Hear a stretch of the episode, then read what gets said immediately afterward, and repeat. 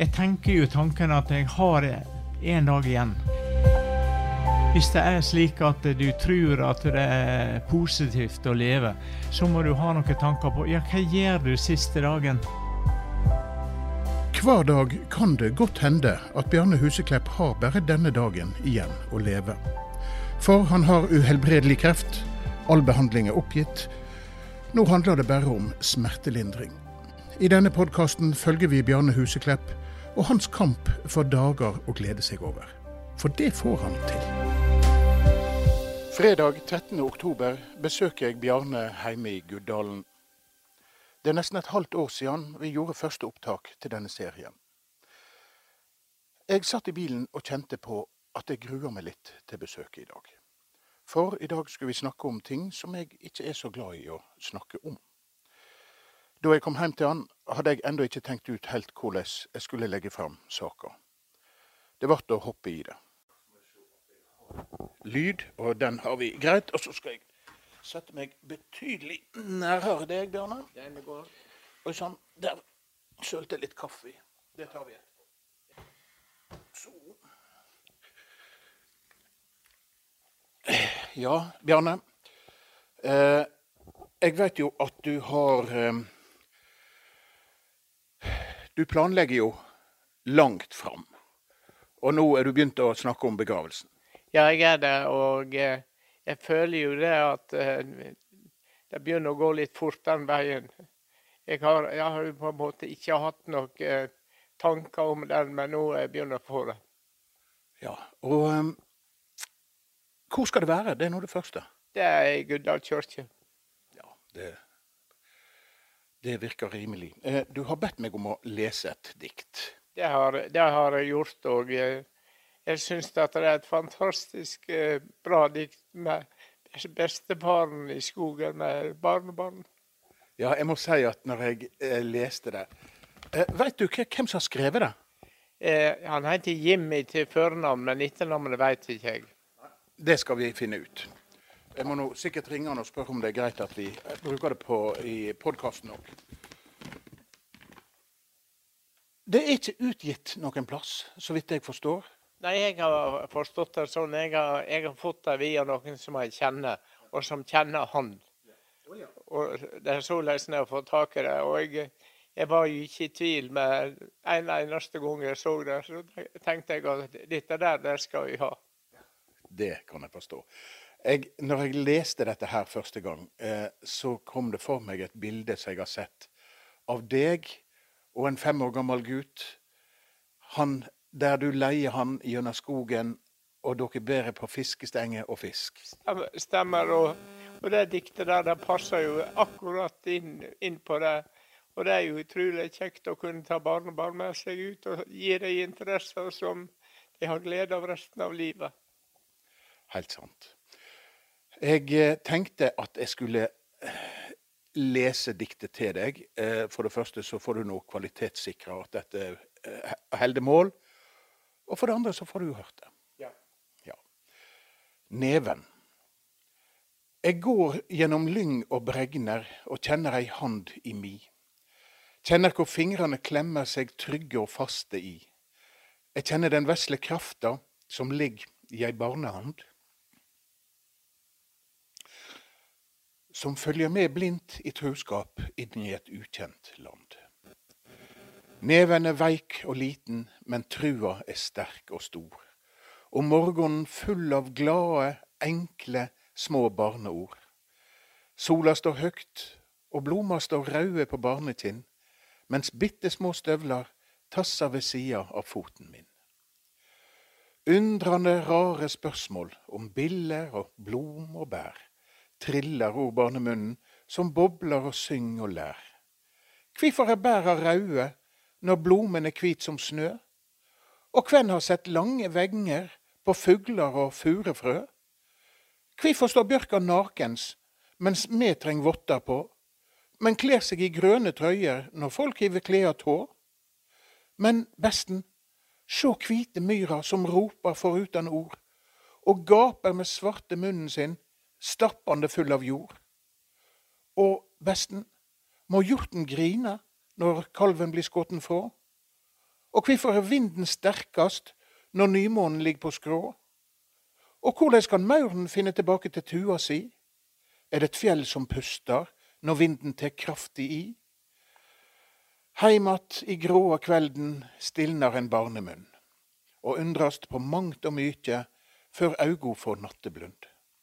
Men der under stjernekvelven kjenner jeg grepet i, en veldig usynlig neve som følger ved sida mi. Store og trygge hender er gode å holde i, både for små og store, mens dagene rek forbi. Utan ei hand ved sida som hjelper og trygger deg, kjenner du deg åleine bortanfor sti og veg. Ja. Hvor kjent? Ja, det er ja. Et vakkert dikt. Det er det. Og eh, det diktet der vil jeg opplese den dagen jeg skal gravlegges. Og det Det skal jeg ordne for deg, Bjørne. Det skulle bare mangle. La oss nå håpe det blir lenge til. Ja, det, der satser vi på.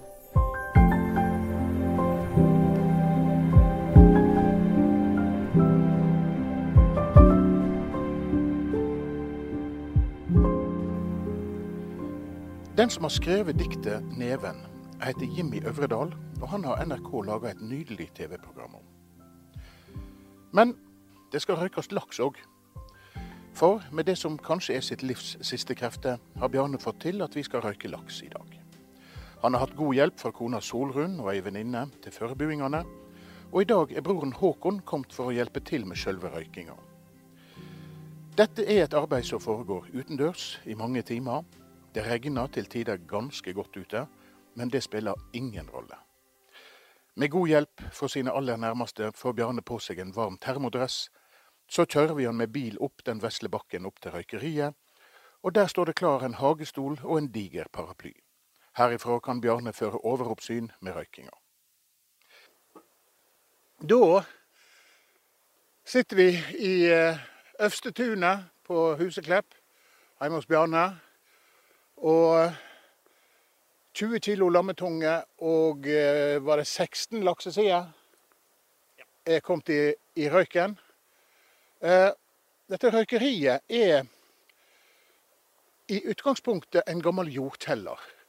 Eh, som ser ut egentlig som bare en liten haug i bakken, men der er det murt opp med stein. Når du går inn, så er det ja, så stort som et uh, lite badeværelse.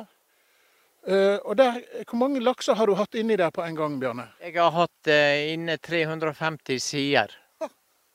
175 lakser. Ja, Så der er, der er plass til å til mange der inne. og der, det skulle ha, Når jeg nå sitter her og ser på den røyken, så skulle det vært artig å vite hvor mange tonn med skikkelig røyklaks har kommet ut fra den jordkjelleren. Og den er jo litt spesiell, for den er rundt 400 år gammel nå. Akkurat. Ja, det, blant annet så, ja, Hvordan vet du at den er 400 år gammel? Far min har fortalt det etter oldemora si. Ja, og eh, jeg husker du har fortalt meg en historie om ei ku under krigen og noe greier. Ja. Skal jeg ta hele historien? Ja, ja, ja. I, altså, vi, de aller fleste vet jo det at eh, i 1944 da sleit jo Hitler med krig, under krigen. Han, eh, han greide ikke å nå de målene som han hadde sett seg. Og Det gjorde jo det at eh, bl.a. i Russland så var det slik at de greide ikke å skaffe mat til soldatene. Men dette kom til Norge òg. Og det, det som er litt spesielt, er at jeg hadde ei tante som var 16 år gammel, som plutselig står ute på trappa på gamlehuset og ser to eh, høyt rangerte befal som går inn i fjøsen til naboen. Og da skjønte hun hva dette der var for noe. Da var de altså på vei rundt og skulle telle hvor mange dyr, hvor mye poteter, hvor mye havre den hadde på, på gården. Og det som hun tok og gjorde, hun sprang bort til fjøsen, henta den beste kyrne som var, tok hun med seg opp i jordkjelleren og sette seg inn til venstre og klappa kyrne og håpte at hun skulle holde kjeft. Og, og det, det, gjorde kyrne. Slik at når det da, når mørkna, Så tok hun kyrne med seg, ledde den ut gjennom bakkene her, og så slapp den ut i, ut i villmarka, for å si det sånn. Så går hun bort i gamlestaua. Der sitter disse to befalene og prøver å preike norsk med far min og bestefar min. Og bestefar min og far min prøvde å snakke tysk med soldatene som satt der, men eh, dette der, det var jo et språk som ingen hadde hørt før. Så, men det som var spesielt Disse tyskerne de satt på senga til far min, og 20 cm ned i halmen der lå det tre våpen som far min eide. Så hadde tyskerne oppdaga det, så hadde ikke vi vært her i dag. Ja. Nå velter røyken eh, rundt oss her. Og røyken, det glemte jeg å fortelle, den kommer fra en gammel gjøtelovn. Eh, der du har hengt opp et, et, eh, et kyllingnetting, er det det? Ja, det er det. Midt, midt i ovnen. Og når, det, når vi da fikk god fyr på veden under, så stappa vi det fullt med finklipt einebar. Og det ryker voldsomt, får vi si. Ja da, det, det gjør det. Og nå er jo liksom kunsten å greie å følge med på dette her, slik at det ikke blir noe brenning. Ja, nå eh, Du har snakka om, og det er jo flere som har spurt etter, eh, om ikke du kunne holde et kurs i røyking av laks. Eh, og siden vi nå sitter her og røyker laks, jeg lurer på om vi må ta det nå, Bjarne. Det kan vi gjøre. Det kan vi gjøre. Og la oss nå ta det grundig. Eh, hva har skjedd med disse laksene før de nå henger i røyken her? Ja, det er jo Altså, jeg bruker jo å gjøre det sånn at jeg, jeg røyker bare laks som har vært frossen i 14 dager. Og så blir han tina. Så sløyer vi han. Skjærer ut sidene, tar vekk ribbeina. Tar ut eh, de beina som går eh, vannrett på laksen. Da, da er han klar til salting. Ja, Står du med ei tang da og trekker disse beina? Ja. Og bruker jo en utrolig skarp kniv til å ta ribbeina med. Ja. Eh, Så når du har gjort det, så legger du de i ei blanding av salt og sukker. Hvordan er den blandinga? Den, eh, jeg bruker jo gildekassa for for det meste. Og da strør jeg jo salt i bunnen, slik at de laksene som blir lagd ned, de ligger med kjøttsida opp. Og da er mine, mine blandingsforhold de er 50-50, altså på Sukker og salt? Sukker og salt. Eller er tre, tre, de- tre del eh, salt og én del sukker. For dette har med smak og behag å gjøre. Ja. Og så eh, og, de får ikke ligge mye i ro de neste tre døgna? Nei, de gjør ikke det. fordi at etter tre-fire timer, når vi har eh, salta dem på kjøttsida, så løser saltet og sukkeret seg opp, og du får en voldsomt fin lake. Og da har jeg alltid en ledig gildekasse stående som jeg legger opp oppi, med kjøttet ned. Og etter tre-fire timer så er jeg tilbake igjen til kassen jeg lå i, men da er det med kjøttet opp. Og dette gjør at du får en fantastisk flott eh, salteblanding i, i kjøttet på laksen som du skal levere. Ja, det blir veldig jevnt fordelt. Det blir jevnt fordelt, ja. Så du snur de altså hver fjerde time i tre Ja, døgn? ja, gjør det. Ja. Så er det jo da at eh, når en da tar de opp av saltet, så er det noen som sier du skal vaske de, noen sier du skal bare tørke av de. Hva gjør du?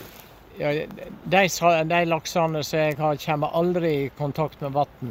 Men jeg, eh, jeg henger de opp, og da henger de i ett døgn. Slik at eh, de laksene som vi nå røyker, de hengde, Håkon opp i går. Sånn at det er ca. et døgn. Og Poenget med, med at vi henger de opp sånn, det er rett og slett det at eh, tar røyken, laksen tar røyken bedre hvis den er tørr. Og så eh, har vi nå båret de inn og hengt de opp inni i eh, røykeriet. Nå står røyken på, og der inne tror ikke jeg et menneske hadde overlevd i ti sekunder. så Nei, der, eh, der er det tett. Der er det tett, ja. Og hvor lenge skal de nå eh, henge i røyken? De, røyken, de som vi har her i dag, eh, vi har jo 20 kg med lammetunge, som har fått akkurat samme saltinger som eh, laksen har. Og nå skal de, nå skal, når vi er ferdig, da skal vi ha de ned igjen i grovkjøkkenet, og så skal de henge til i morgen. Så blir de vakuumpakka. Så det skal henge ett døgn før røyking og ett døgn etter røyking? Stemmer. Og grunnen til at det skal henge et døgn etterpå, det er at røyken setter seg bedre i fisken. Når når, i, i, i, I stedet for at du på en måte, på en måte tar og vakuumpakker med en gang. Du får en mye jevnere, finere smak hvis du lar den henge. Og så tørker den mer. Ja. Du, du slipper at den er blaut. Og slik er det Bjarne Huseklepp i årevis. Snart 40 år nå, faktisk. Ja, det er, det er faktisk 40. Jeg begynte i 84. eh, Sånn at til neste år så er det 40 år. Ja. Og i 40 år har du laga, må jeg si, verdens beste røykelaks. Ja, det er mange som sier det, og det er jo kjekt, det er jo kjekt å høre. Og jeg ser jo det på når jeg røyker laks, og hvis jeg annonserer at jeg har, så forsvinner med en eneste gang. Nå, eh, Det du har produsert for salg Jeg vet at Til jul i fjor så hadde du en bestilling på 1,2 tonn Ja. med røykelaks. Eh, men det har jo stort sett vært oppdrettslaks. I dag røyker vi bare I dag er det bare villaks, ja. Og eh, i, i fjor eh, hadde jeg jo en enorm bestilling. Men da var jeg ute og inn av sykehus pga. krefter. Så det gjorde jo det at jeg greide jo ikke å produsere mer enn rundt 300 kilo. Ja. Eh, men dette med villaks og oppdrettslaks Jeg har jo et stykke med oppdrettslaks hjemme som du har røykt. Eh, nå får jeg et stykke med villaks. Tror du jeg kommer til å kjenne et smaksforskjell? Jeg er ikke sikker på det. Eh, det er mange som sier at dette kjenner vi forskjell på, men eh, jeg har hatt folk her som har vært her og testa det. Jeg har sagt at prøv dere på, på en villaks eller en oppdrettslaks, og de greier ikke det. Med bind for øynene Ja. så er det, er det store problem. Vi er i alle fall rike når denne dagen er over. Ja, det mener jeg. Og nå har vi fått eh, laga dette til akkurat sånn som jeg vil ha det. Jeg er jo litt skral i dag, sånn at eh, Men de har fått eh, montert alt sånn som det skal være. Og når det har vært opphengt og alt nede, så skal dette være kjempebra.